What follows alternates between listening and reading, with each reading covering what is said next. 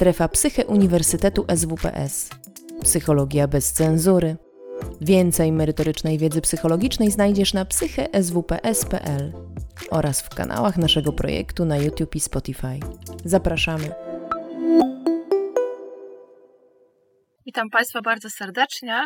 Cieszę się, że mogę wziąć udział w tej konferencji, że otrzymałam takie zaproszenie, tym bardziej, e, że jestem też e, dawną absolwentką wrocławskiego SWPS-u, tym bardziej jest mi, e, jest mi miło.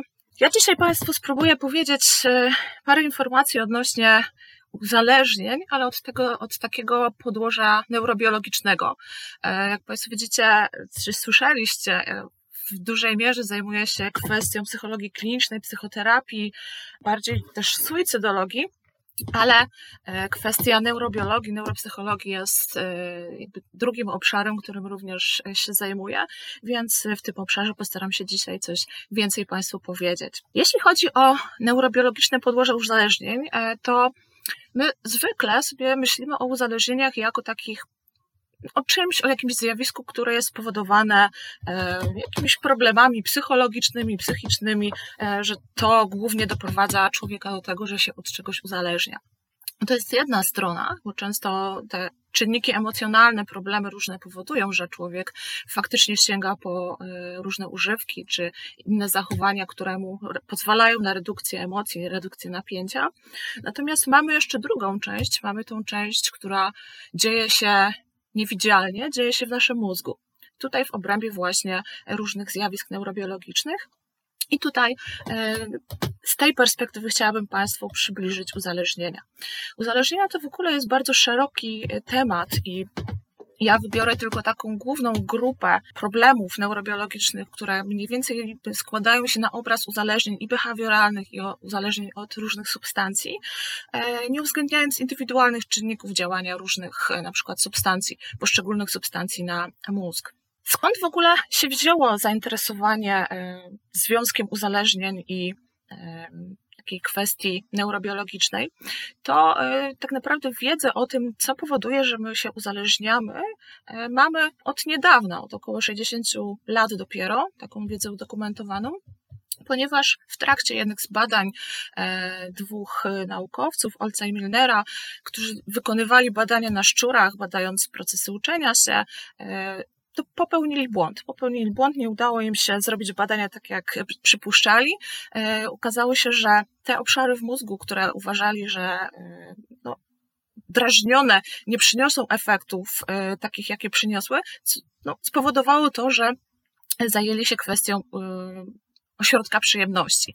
Tak? Bo e, okazało się, że szczury, którym podawali bodźce elektryczne, bardzo się cieszyły z tego. Zamiast unikać tego, traktować to jako coś awersyjnego, cieszyły się i chciały tego więcej. No i zaczęto się zastanawiać, jak to jest, że prąd elektryczny, elektrody umieszczone w mózgu mogą powodować przyjemność. I e, tu chciałam się odnieść troszkę do ewolucji e, i do tego, co e, ewolucja wykształciła, o czymś sobie często nie zdaje, z czego nie zdajemy sobie często sprawy. E, mózg to jest taki organ, który służy do naszego przetrwania. E, my, żeby żyć żeby to życie powielać, musimy jeść, musimy się rozmnażać i musimy uważać na siebie, czyli unikać zagrożenia, żebyśmy nie stracili życia. I to są nasze takie podstawowe motywacje, które nam umożliwiają życie. Natomiast żeby to było możliwe, żebyśmy jedli nie na zasadzie, kiedy mamy ochotę, czyli na przykład raz na miesiąc, tylko żebyśmy jedli regularnie i dbali o swój organizm, nasz mózg wykształcił pewne mechanizmy i struktury, które utrwalają, podtrzymują pożądane zachowania. Tak? Jedzenie to jest czynność naturalna, biologicznie nam potrzebna, po to, żebyśmy byli w stanie e, no, żyć dalej. W związku z czym e, te mechanizmy powodują nam powodują w nas przyjemność, e, powodują poczucie satysfakcji, są rodzajem nagrody. A każda nagroda jest to coś przyjemnego, coś, co chcemy kontynuować. W związku z tym na poziomie mózgu dostarczanie jedzenia może powodować odczucie przyjemności, satysfakcji i wzmacniać chęć ponawiania tego. I tutaj przechodzimy do systemu takiego układu w naszym mózgu, który odkryli właśnie ci badacze, czyli mózgowego układu nagrody. To jest taki główny układ, który wpływa na też formułowanie się uzależnień, zarówno behawioralnych uzależnień, jak i różnych uzależnień od substancji. Mózgowy układ nagrody, o którym sobie powiemy później, za chwilkę, e, wiąże się z poczuciem przyjemności, satysfakcji, zadowolenia, wzbudza w nas pozytywne emocje, e, dzięki czemu jesteśmy zmotywowani do tego, żeby angażować się w dane czynności, angażować się na przykład w zażywanie, w branie, sięganie, szukanie danej, danej, danego produktu, danej substancji i chcemy to powtarzać. Tutaj będziemy mieć, jak każdy z Państwa gdzieś sięgnie e, do swojego życia, będziemy mieć dużo różnych e, substancji czy zachowań, które lubimy kontynuować i one nam sprawiają przyjemność, dają jakieś poczucie satysfakcji. E, co z mózgowym układem nagrody się wiąże? Mamy tam pewne struktury. Ja nie będę dzisiaj skupiać się na wszystkich, tylko na najważniejszych, które stanowią taki szlak główny, przez który za pomocą którego tworzy się to poczucie przyjemności. Na, na, ten szlak składa się jądro półleżące, pole brzuszne nakrywki, ciało migdałowate, kora przedczołowa, hipokamp. E, oprócz tego mamy jeszcze prążkowie, mamy istotę czarną, e, częściowo będzie tutaj podzgórze brało też udział, ale e, co dokładnie dzieje się w tych miejscach? E, pole brzuszne nakrywki to jest takie pierwsze miejsce, do którego dochodzi taki sygnał, że coś jest przyjemne. E, tutaj w polu brzusznym nakrywki, w jądrze półleżącym znajdują się specjalne receptory i komórki e, dopaminowe, które wysyłają między tymi poszczególnymi strukturami informację, że jest coś przyjemne. I z pola brzusznego nakrywki ten impuls, ten sygnał, że jest przyjemność, e, idzie do jądra półleżącego. Y, to jądro jest odpowiedzialne za taką motywację, też za nasze y, czynności ruchowe, które nas mobilizuje do tego, żeby jakąś czynność kontynuować. Że to jest fajne, przyjemne, satysfakcjonujące, chcemy tego więcej. Jądro półleżące jest powiązane również z ciałem migdałowatym, z hipokampem. To są struktury w układzie limbicznym, które są odpowiedzialne za zapamiętywanie e, różnych sytuacji. Hipokamp zapamiętuje wydarzenia, zapamiętuje e, otoczenie, miejsce, natomiast ciało migdałowate jest miejscem pamięci emocjonalnej. Tam też są stymulowane różne emocje, przede wszystkim emocje negatywne, ale również e, emocje pozytywne się pojawiają. I ostatni obszar, czyli kora przedczołowa, obszar, który nam spełnia taką funkcję kontroli, czyli albo dzięki niej skupiamy się na czymś, planujemy i, i, dalej mamy ochotę kontynuować tą czynność, podejmujemy decyzję, że kontrolujemy swoje zachowanie i chcemy więcej, czy na przykład hamujemy naszą potrzebę i nie chcemy się angażować w dane, e, w dane czynności. Mózgowy układ nagrody jest również e, powiązany w ogóle z częścią układu mm, takiego ukierunkowanego układu pobudzenia, który jest związany z taką, w tym, w tym układzie mamy takie podejmowane decyzje co do celów, co chcemy, czy chcemy angażować w daną czynność. Mamy motywację, to jest taki system też motywacyjny do tego, żeby coś powtarzać, ciągle coś robić, ciągle coś brać, ciągle coś zażywać. I tutaj bardzo duże znaczenie będzie odgrywała dopamina. Dopamina, czyli neuroprzekaźnik w naszym mózgu, jeden z wielu neuroprzekaźników o takim charakterze pobudzającym, który będzie e, miał bardzo dużą, jak nie zasadniczą też rolę dzisiaj w tym, e, o czym będę mówiła. Dopamina jest e, neuroprzekaźnikiem, który nas jeśli się wydziela tak, w kontakcie z tym czynnikiem, który sprawia nam satysfakcję, motywuje nas ona do poszukiwania e, bodźców nagradzających. Daje nam taki rodzaj pozytywnego wzmocnienia e, i ona się naturalnie wydziela w momencie, kiedy coś na przykład sobie smacznego jemy, e, kiedy się angażujemy w jakieś czynności, które lubimy, które sprawiają nam przyjemność, e, czyli angażujemy się w jakiś rodzaj hobby, coś, co, co nas interesuje, robimy, to ona często wtedy jest w większej ilości wydzielana. Co jest też ważne, że e, dopamina nie wydziela się jako takie mm, źródło dające nam przyjemność.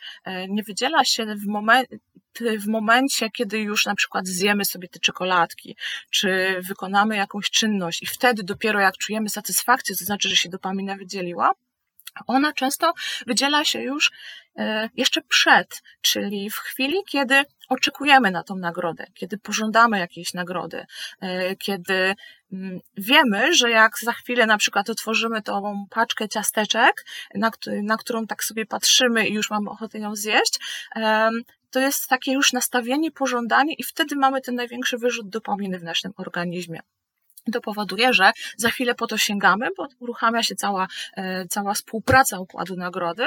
E, idziemy, sięgamy, jemy e, i dalej czujemy, że jest przyjemnie.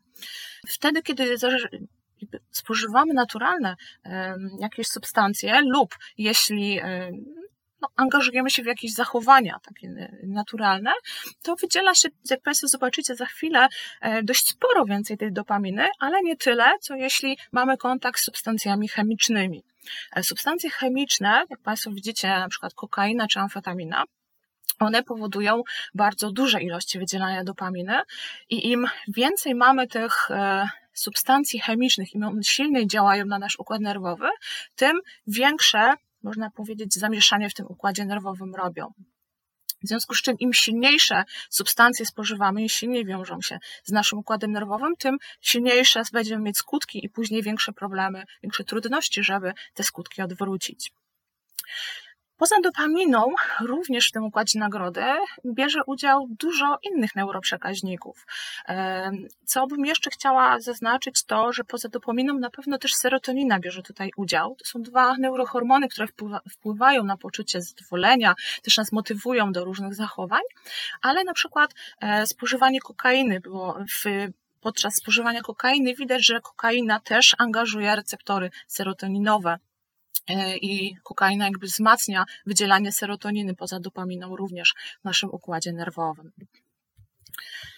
Mówiąc o wzmocnieniach, mamy wzmocnienia pozytywne i mamy wzmocnienia negatywne. E, to, co jest e, ważne, że nie każde wzmocnienie daje nam subiektywne odczucie nagrody. E, równocześnie to, co jest nagrodą w naszym odczuciu subiektywnym, ma właściwości wzmocnienia. E, my uczymy się pewnych zachowań na zasadzie warunkowania, e, czyli jeśli na przykład jesteśmy w neutralnej sytuacji, nie, nie zażywaliśmy nigdy wcześniej jakiegoś narkotyku na przykład, albo nie piliśmy wcześniej alkoholu.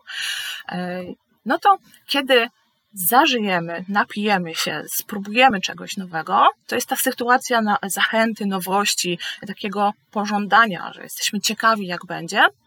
To jest rodzaj warunkowania pozytywnego, warunkowania instrumentalnego pozytywnego, bo na przykład po e, wypiciu tego alkoholu, czy zażyciu jakichś substancji, leków, innych środków e, psychoaktywnych, czujemy się fajniej, czujemy się lepiej, mamy na przykład więcej energii, więcej możliwości.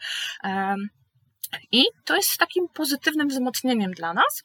Równocześnie ten mechanizm e, sprzyja, zwłaszcza w sytuacji e, kontaktu z substancjami, e, sprzyja rozwojowi takiego mm, stanu związanego z sensytyzacją naszych, naszych komórek nerwowych, bo jak na przykład raz zażyjemy sobie jakiś narkotyk, no to jest fajnie. Nagle się pojawia jakaś taka super reakcja w organizmie.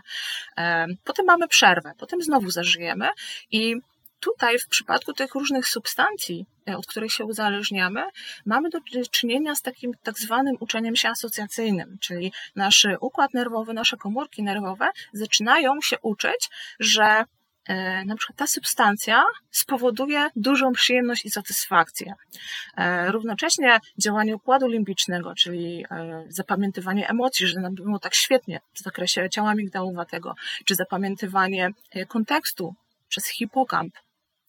To się y, aktywizuje i my już na przykład spodziewając się, że zaraz weźmiemy na przykład te psychostymulanty, które wzięliśmy wcześniej i było tak fajnie, już nasz organizm zaczyna reagować. Y, patrząc jakby na kontekst, y, że już się nastawiamy, wiemy, co zaraz będzie, co zaraz weźmiemy, mamy to całe otoczenie, w którym, w którym jesteśmy i nasz organizm, nasz mózg już rejestruje te wszystkie bodźce z kontekstu i już powoduje y, powolne wydzielanie większej ilości dopaminy. Jeszcze tego nie zażyliśmy.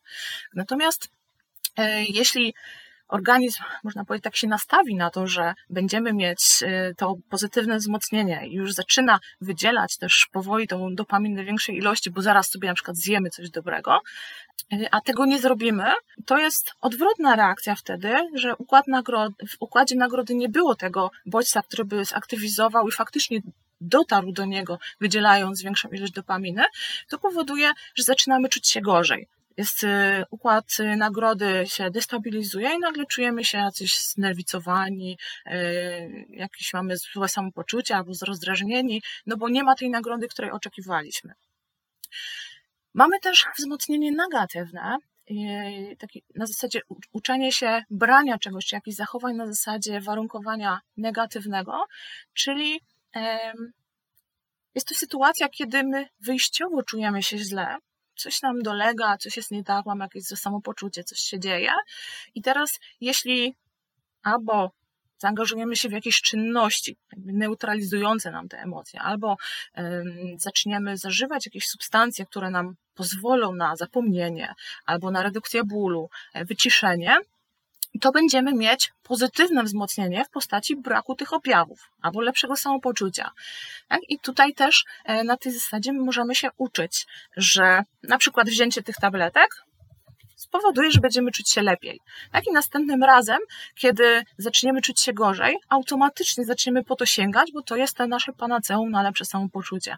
I im częściej to robimy, tym zwiększamy sobie prawdopodobieństwo, że za chwilę możemy się od tego uzależnić. Bo to z jednej strony potrzebujemy to tak psychologicznie, emocjonalnie, a z drugiej strony równocześnie nie jest to obojętne dla naszego mózgu. Tam też tworzą się pewne wzmocnienia, które potem będą e, nam wpływały mocno na to, jak będziemy e, funkcjonować, jeśli się uzależnimy. No i poziom neuronalny, czyli jak to się dzieje, co się dzieje tak naprawdę w naszym układzie nerwowym, że zaczynamy uzależniać się. E, zwykle początek jest niewinny, bo na początku nie zdajemy sobie sprawy z tego, że życie czegoś, czy zaczynając angażować się w jakieś, w jakieś czynności, że to może mieć e, skutek taki, że potem nie będziemy w stanie przestać. Tu w przypadku tych uzależnień takich behawioralnych, czyli na przykład komputerów, gier, e, jakichś zachowań, mm, ten poziom neuronalny nie będzie tak, e, tak bardzo mocno e, warunkował później powtarzanie się różnych czynności, bo tak jak mamy w przypadku różnych substancji, to uczenie się skojarzeniowe bardzo silne, to uczenie asocjacyjne, tak? W przypadku zachowań behawioralnych mamy często zjawisko habituacji, czyli takiego przyzwyczajenia się do do obecności czegoś, czy jakiejś reakcji, i potem mm, potrzebujemy po prostu tego więcej, bo ta ilość y, zachowań nie wystarcza nam, bo ona już staje się bodźcem obojętnym, przywykamy do tego i po prostu, żeby y, no, żeby na przykład czuć się lepiej, potrzebujemy więcej angażować się w takie zachowania. Tak jak na przykład leży czekolada i początkowo jakbyśmy, na samym początku, jakbyśmy zjedli jedną czekoladę, no to może by nas zemdliło, tak? No bo to jednak dużo tego słodkiego. Natomiast im więcej jemy tych tabliczek czekolady, tym więcej możemy zjeść. Tak? Bo to już ta jedna tabliczka nas nie mdli, już nas zemdlą dwie. Następnym razem, po iluś kolejnych takich zachowaniach, będą nas mdliły trzy, ale dwie już bez problemu zjemy. Tak? Bo następuje ta habituacja, przyzwyczajamy się e, do tego bodźca. Natomiast w przypadku substancji psychoaktywnych, e, takich uzależniających, czyli generalnie substancji chemicznych, nienaturalnych, będziemy mieć e, duże zmiany na poziomie komórek w układzie nerwowym, bo można by to tak powiedzieć, że chemia, traf, chemia ta taka sztuczna, związana z różnymi substancjami używkami, trafia, łączy się z naszą chemią w mózgu. Tak? I może powstać pewna mieszanka niebezpieczna, zwykle niebezpieczna dla naszego mózgu. No i tutaj, żeby zrozumieć, jak y, tworzy się tolerancja, jak to uzależnienie też się tworzy, trzeba by odwołać się do tego, co się dzieje na poziomie komórek nerwowych. Dokładnie to, co się dzieje pomiędzy tymi komórkami. I to, co Państwo widzicie, to jest y, synapsa, czyli miejsce, taka drobna szczelinka, y, pomiędzy którą takie najważniejsze procesy biochemiczne zachodzą, bo e, komórki nerwowe bezpośrednio ze sobą się nie stykają. To nie działa tak, że impuls nerwowy przebiega z jednej komórki do drugiej, one są połączone bezpośrednio impuls przebiega z jednej do drugiej. Tam cały proces się dzieje wewnątrz, proces, e, do którego nam jest potrzebna nasza chemia e, w układzie nerwowym, czyli neuroprzekaźniki. I co się dzieje w obrębie tej szczelinki pomiędzy komórkami nerwowymi, to mamy tą dopaminę, tak? bo o niej będziemy tutaj głównie mówić. I te cząsteczki dopaminy, one są zamknięte w pęcherzykach. W pęcherzykach e, takich synaptycznych i o, musi zajść pewien proces, żeby one się przedostały z jednej komórki do drugiej, przez tą szczelinę. I teraz pierwsza komórka, czyli końcówka tutaj aksonu, jej zakończenie jest nazywane błoną presynaptyczną. E, początek drugiej komórki, czyli dendrytu drugiej komórki, to jest błona postsynaptyczna i pomiędzy nimi jest szczelina synaptyczna. I teraz te cząsteczki dopaminy, które znajdują się w pęcherzykach, muszą się przedostać do szczeliny przez pierwszą błonę, a potem przez drugą błonę do drugiej komórki, żeby ten sygnał e, przeszedł pomiędzy komórkami. W związku z czym e, błonie presynaptycznej muszą odpowiedniej w odpowiedniej ilości jony wapnia zadziałać na te pęcherzyki, e, tak żeby, na, na tą błonę, żeby ta, ta dopamina mogła być uwolniona z pęcherzyków i przedostać się do szczeliny synaptycznej. I ona, jak się tam dostaje, to druga komórka, czyli na błonie y, postsynaptycznej, ma odpowiednie takie wypustki, czyli odpowiednie receptory, które wychwytują e, przypadku dopaminy, dopaminę, e, może tam cała masa tych, e, tych receptorów, też serotoninowe, e, kwasu gamma-aminomasłowego, tak, przeróżne, ale do tych receptorów tylko dopaminergicznych dopamina może się jakby przykleić i przejść dalej. No i teraz w naturalnym procesie ta dopamina dostaje się do szczeliny, te receptory wychwytują tą dopaminę, ona przedostaje się dalej. To, co się nie uda prze, przenieść do tej drugiej komórki, co białka transportowe z tej szczeliny wychwytują i zwrotnie zwracają do tej pierwotnej komórki i znowu próbuje, e, próbuje ta dopamina dostać się do szczeliny i w drugiej próbie przejść dalej. E, równocześnie to, co e, się nie uda zwrócić ani przekazać dalej, to te cząsteczki dopaminy z tej szczeliny usuwa odpowiedni, odpowiedni enzym, który niszczy je po prostu w tej szczelinie, tak żeby kolokwialnie mówiąc, był tam wewnątrz porządek. I to jest naturalny proces, e, taki, który się dzieje w organizmie każdego człowieka. Natomiast teraz w momencie, kiedy my dostarczamy substancji e, z zewnątrz, to my wpływamy na tą chemię, czyli wpływamy na to, co się dzieje w tej komórce. I tak jak e, Państwo widzicie, w przypadku substancji naturalnych, czy zachowań naturalnych, tak jak smaczne jedzenie, picie e, czegoś dobrego, zachowania seksualne, e, tak? Różne zachowania, które po prostu e, są dla nas przyjemne, one zwiększają ten poziom dopaminy, ale no, w takim, bym powiedziała, w miarę stabilnym, e, w stabilnej ilości. Tak? W przypadku smacznego jedzenia o połowę mniej więcej ta poziom dopaminy rośnie. W przypadku e, zachowań seksualnych jeszcze raz tyle, ile mieliśmy wcześniej, ten poziom dopaminy wzrasta. E, I to jest tak, że ta dopamina wzrasta, po czym obniża się jej poziom w sposób naturalny. Tak? Nasz organizm funkcjonuje na zasadzie homeostazy. Potrzebuje mieć porządek wewnątrz, y, mówiąc y, kolokwialnie, i potrzebuje mieć, potrzebuje być w równowadze. W związku z czym, jeśli nastąpi wyrzut tej dopaminy, to on musi spaść, żeby znowu był stały jej poziom. Natomiast w przypadku substancji chemicznych, które dostarczamy, e, ten poziom, jak Państwo widzicie, bardzo się zmienia. Czyli nasz układ nagrody zaczyna pracować w sposób niekontrolowany, e, bo w przypadku alkoholu to już e, jest wzrost około 200%, ale na przykład w przypadku substancji psychostymulującej to jest o 400 lub 1000% wzrost dopaminy.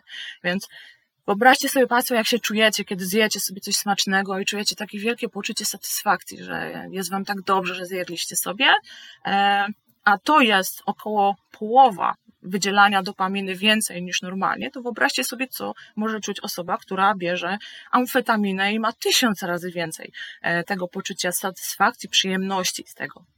Tak więc tutaj e, jakby ten stan takiej euforii e, jest no, nieporównywalny do na przykład smacznego jedzenia czy jakiegoś uniesienia po jakimś akcie seksualnym.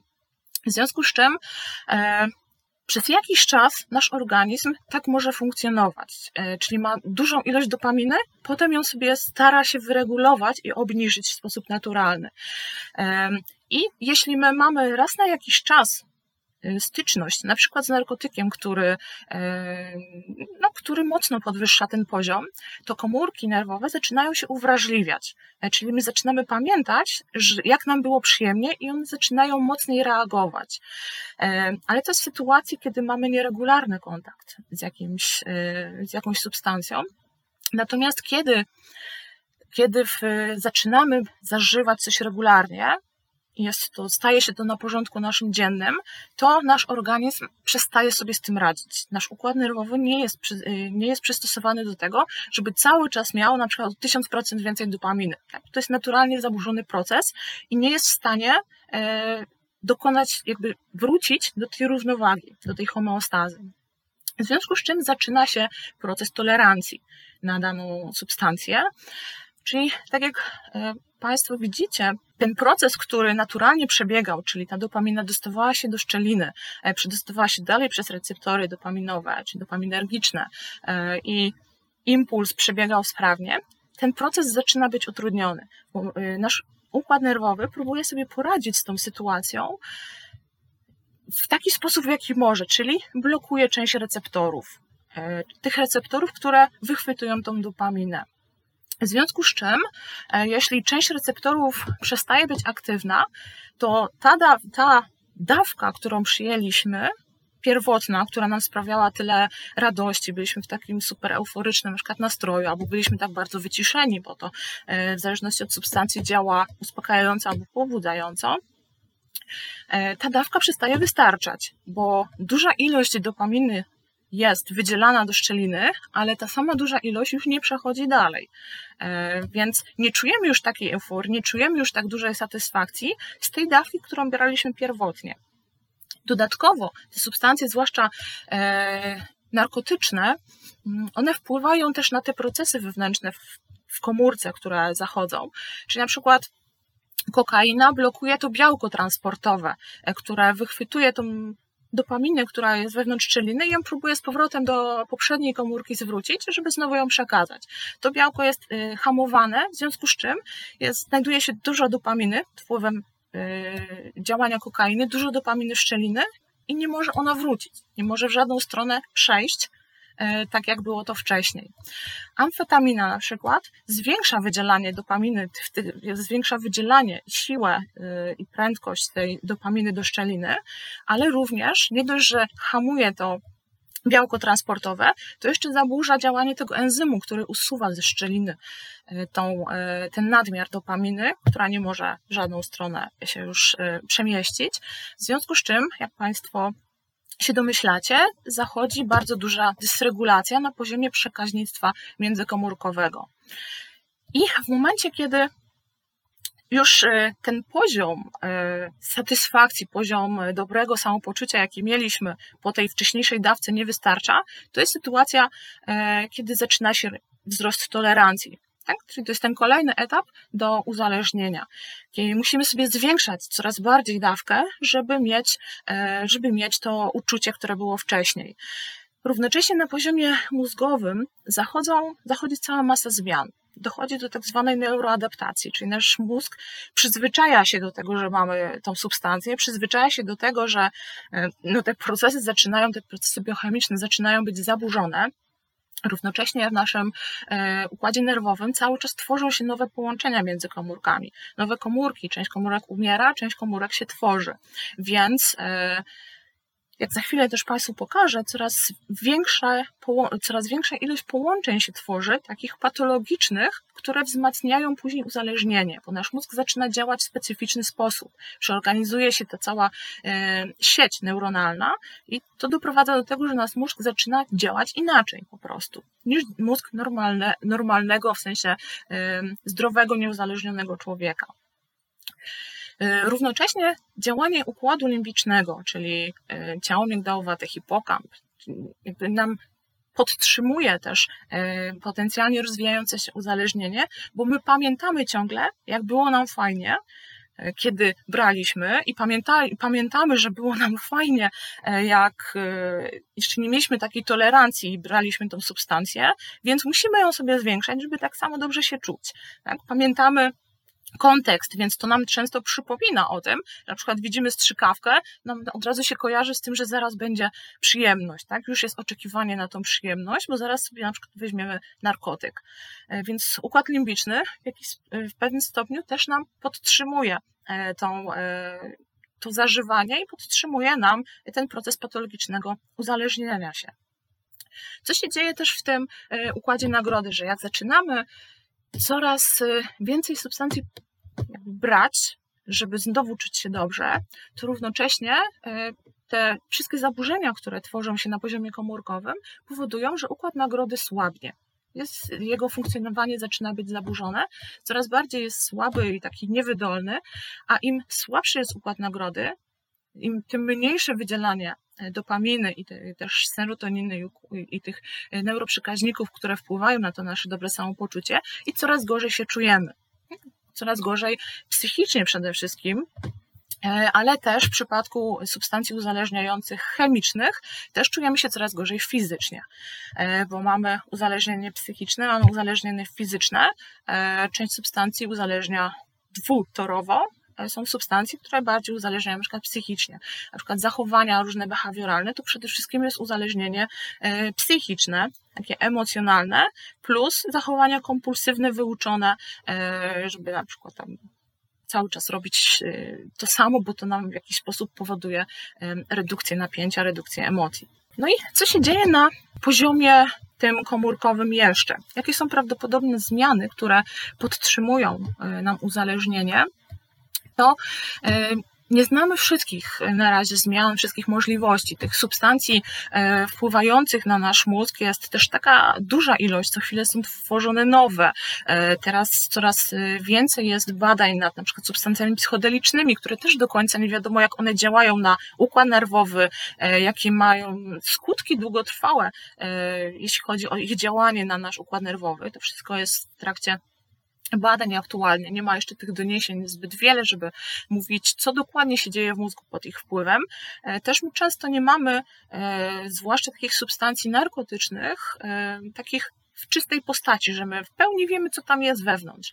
Dużo różnych narkotyków to są mieszanki dziwnych substancji razem, są różne zanieczyszczenia, różne rzeczy, które byśmy nawet nam na myśl nie przyszło, typu na przykład benzyna czy trójka na szczury w jakichś niektórych substancjach, więc y, to też może mieć destrukcyjny wpływ na nasz układ nerwowy, ale do końca nie wiemy jaki. No i teraz, jako że te nasze komórki nerwowe, one się cały czas tworzą e, i ten, ta sieć neuronalna się ciągle przeorganizowuje, to e, jedna z takich hipotez, co może podtrzymywać uzależnienie, jest taka, że w jądrze półleżącym, czyli w tym takim centrum motywacyjnym, gdzie jest bardzo dużo też neuronów dopaminowych, tak? tam ta stymulacja e, do wydzielania dopaminy w jądrze półleżącym jest duża, e, że tutaj w tym jądrze może e, nastąpi, następować wzrost wypustek dendrycznych, czyli te komórki nerwowe się bardziej rozrastają, tworzą się nowe wypustki, dendryty i one mogą się łączyć w sposób patologiczny z tymi neuronami różnymi i w układzie nagrody, i z innymi częściami mózgu, powodując, że mm, jeśli zażywamy jakąś substancję, to e, to jest jakby nowy szlak, coraz częściej używany, więc ona bardzo szybko, e, bardzo mocno może zacząć działać. Tak? Czyli dostarczamy czegoś i układ e, nagrody ma z wielu różnych źródeł bardzo szybko informację, że jest coś przyjemnego. No I to może powodować, te, te zmiany w obrębie komórek nerwowych mogą powodować, że to uzależnienie będzie dłużej podtrzymywane.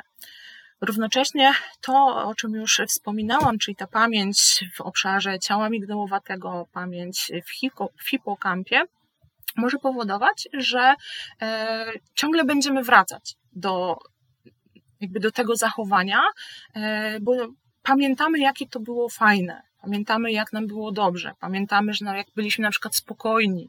E, pamiętamy, jak mieliśmy redukcję wszystkich problemów, bo na przykład piliśmy ten alkohol i w ogóle o wszystkim zapominaliśmy i byliśmy tacy rozluźnieni.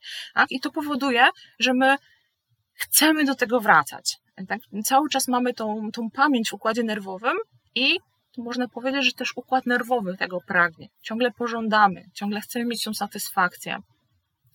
E, nie bez znaczenia również tu jest kora przedczołowa, czyli nasz e, miejsce w naszym mózgu, które odpowiada za kontrolę naszych reakcji. E, w płatach czołowych mamy ośrodki, które odpowiadają za planowanie, za hamowanie różnych reakcji. Płat czołowy jest powiązany z układem limbicznym i to, że my na przykład jesteśmy w stanie dobrze kontrolować nasze reakcje, dobrze kontrolować nasze emocje, to znaczy, że jest dobre tutaj połączenie między układem limbicznym, zwłaszcza ciałem migdałowatym i korą przedczołową, E, bo to nam e, jakby umożliwia e, dobrą regulację, dobre reagowanie adekwatne w danym kontekście. Natomiast jeśli tu jest jakieś zaburzone, zaburzenie na tym, na tym poziomie, to będziemy mieć problem z kontrolowaniem impulsów. Będziemy bardziej impulsywni, będziemy mieć problem z podejmowaniem jakichś decyzji, czyli pojawi się na przykład jakaś emocja i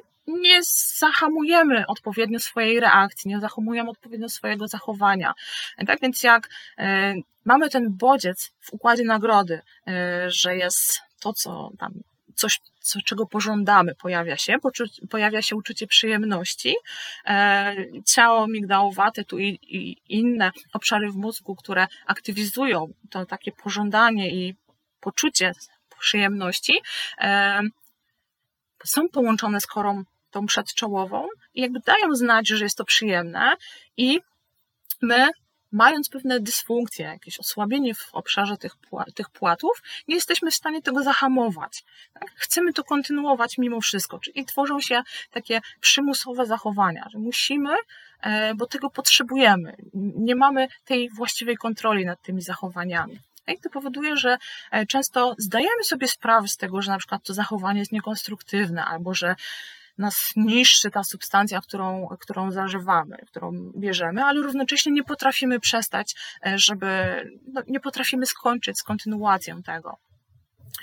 E, co jeszcze nas utrzymuje w tym uzależnieniu, to zespół odstawienny, który się pojawia. Tak? Nasz układ nerwowy już pod wpływem e, substancji, która była regularnie zażywana, wytworzył najpierw tolerancję, potem już uzależnienie, już nie mógł funkcjonować bez, e, bez tej substancji, bo już tak się sieć neuronalna prze, przekształciła.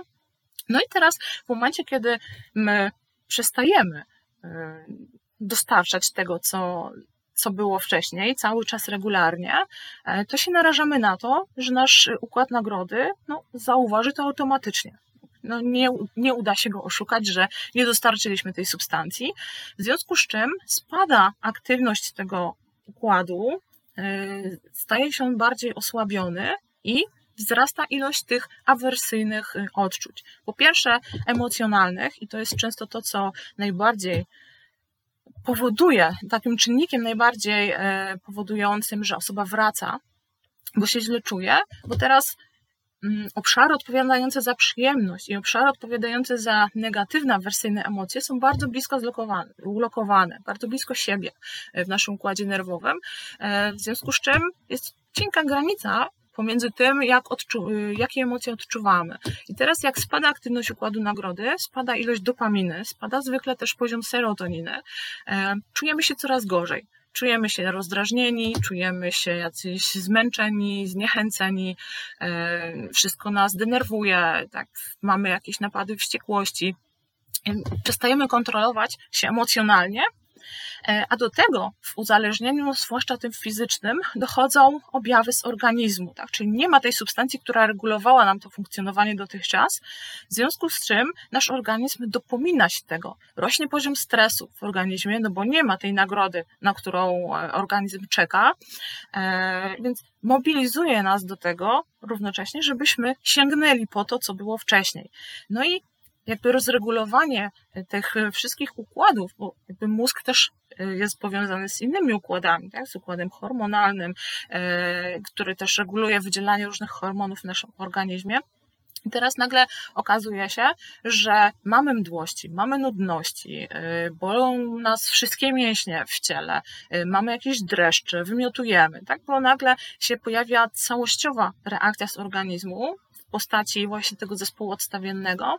No i to nas mobilizuje do tego, jakby wymusza na nas to, żebyśmy wrócili z powrotem do tej sytuacji, która już jest dla, dla naszego układu nerwowego normalna, czyli do tej sytuacji, kiedy funkcjonuje z obecnością substancji. No i w momencie, kiedy my tego nie dostarczamy, czujemy się tak źle fizycznie i tak beznadziejnie emocjonalnie, że często poddajemy się tej, e, tej sytuacji i stwierdzamy, dobrze, to już lepiej wrócę, lepiej zażyję, ale będę czuł się lepiej, będę czuł się, będę czuł, że żyję, tak? E, bo nie chcę się czuć tak, jak się czuję teraz. I to jest ten stan, gdzie często osoby próbujące zerwać uzależnieniem e, nie potrafią go wytrzymać, bo tak się fatalnie czują, że no, muszą chociażby troszkę, a to troszkę zwykle kończy się dużą ilością, bo troszkę nie da odpowiedniego e, tutaj efektu, e, że muszą do tego wrócić, tak? potrzebują e, ten, tego powrotu. Te wszystkie zmiany biochemiczne, które się tworzą, zmiany w komórkach powodują, że osoba uzależniona nie jest w stanie wrócić do normalnego funkcjonowania bez tej odpowiedniej dawki. W związku z tym organizm nam wysyła sygnały, wróć do tego, co było. No i tutaj jest kwestia e, później możliwości leczenia, żeby zapobiec tym, tym objawom, żeby przerwać ten ciąg, żeby osoba mogła z tego e, uzależnienia wyjść. E, tak jak mówiłam Państwu, tym zespół odstawienny jest szczególnie e, obserwowany w przypadku tych substancji chemicznych, które nam zmieniają całą biochemię w mózgu i tworzą się te e, inne, nowe połączenia takie patologiczne w mózgu. Natomiast w przypadku uzależnień behawioralnych mamy często te czynniki psychologiczne bardzo mocno tutaj wpływające. Czy ten zespół odstawienny to często nie jest sytuacja taka, że nie wiem, grając w gry nałogowo, tak, będąc uzależnionym od gier komputerowych na przykład, że jak e, odstawimy te gry, to będziemy, no pewnie gdzieś tam Państwo się z tym e, być może spotkaliście, że nie będziemy wtedy, nie wiem, siedzieć w łazience wymiotując, że będziemy odczuwać dreszcze, że będzie nas wszystko bolało, bo nie gramy na komputerze. Tak, ale będziemy czuć się e, fatalnie emocjonalnie bo nagle e, brakuje nam tego czynnika, który nam modyfikował emocje, który powodował wzrost wydzielania dopaminy, że czuliśmy się fajnie, czuliśmy się przyjemnie. E, nie ma tego teraz, tego co pożądamy, tak więc nie ma tej zaspokojnej nagrody, więc pojawiają się emocje negatywne e, i to są często te emocje, które właśnie sprzyjają podtrzymywaniu uzależnienia. No więc tutaj mówiąc o uzależnieniach z perspektywy neurobiologicznej, z jednej strony mamy te uzależnienia e, chemiczne, które nam bardzo dezorganizują e, sieci neuronalne. Mamy też uzależnienia te behawioralne, które również działają podobnie, tak samo stymulują układ nagrody i tak samo dzięki temu czujemy się przyjemnie e, i lubimy się w to, w te czynności angażować, ale mm, jakby konsekwencje mogą być różne tutaj. Tak jak Państwo, mam nadzieję, to zauważyliście, e, te konsekwencje zmian biochemicznych są często poważniejsze i też są też e, sytuacje, kiedy musimy ten sposób leczenia no, jak najbardziej tak starać się zmodyfikować, żeby też mm, odwrócić ten stan e, zmian biochemicznych. Natomiast w przypadku uzależnień behawioralnych, tam tych zmian biochemicznych nie mamy takich znaczących, no bo nam na przykład te, te gry komputerowe nie wpływają na to, że e, zaburzenia w na przykład w, w jakimś odbiorze receptorów powstają w, w tym układzie nerwowym, w synapsach. Tak więc tutaj nie chcąc wartościować, ale w uzależnieniach behawioralnych ten mechanizm uzależnienia jest mniej patologiczny, mniej spatologizowany od strony neurobiologicznej niż, od tych, niż w uzależnieniach od substancji, które bardzo mocno wiążą układ nerwowy z tą substancją. I to mm, myślę takie chyba najważniejsze, najważniejsze kwestie związane z, z kwestiami neurobiologicznymi. Myślę, że czas e, chyba już tutaj wykorzystałam, ten, który, który miałam poświęcić na moje wystąpienie. Więc y, na tym etapie myślę podziękuję Państwu za, za uwagę.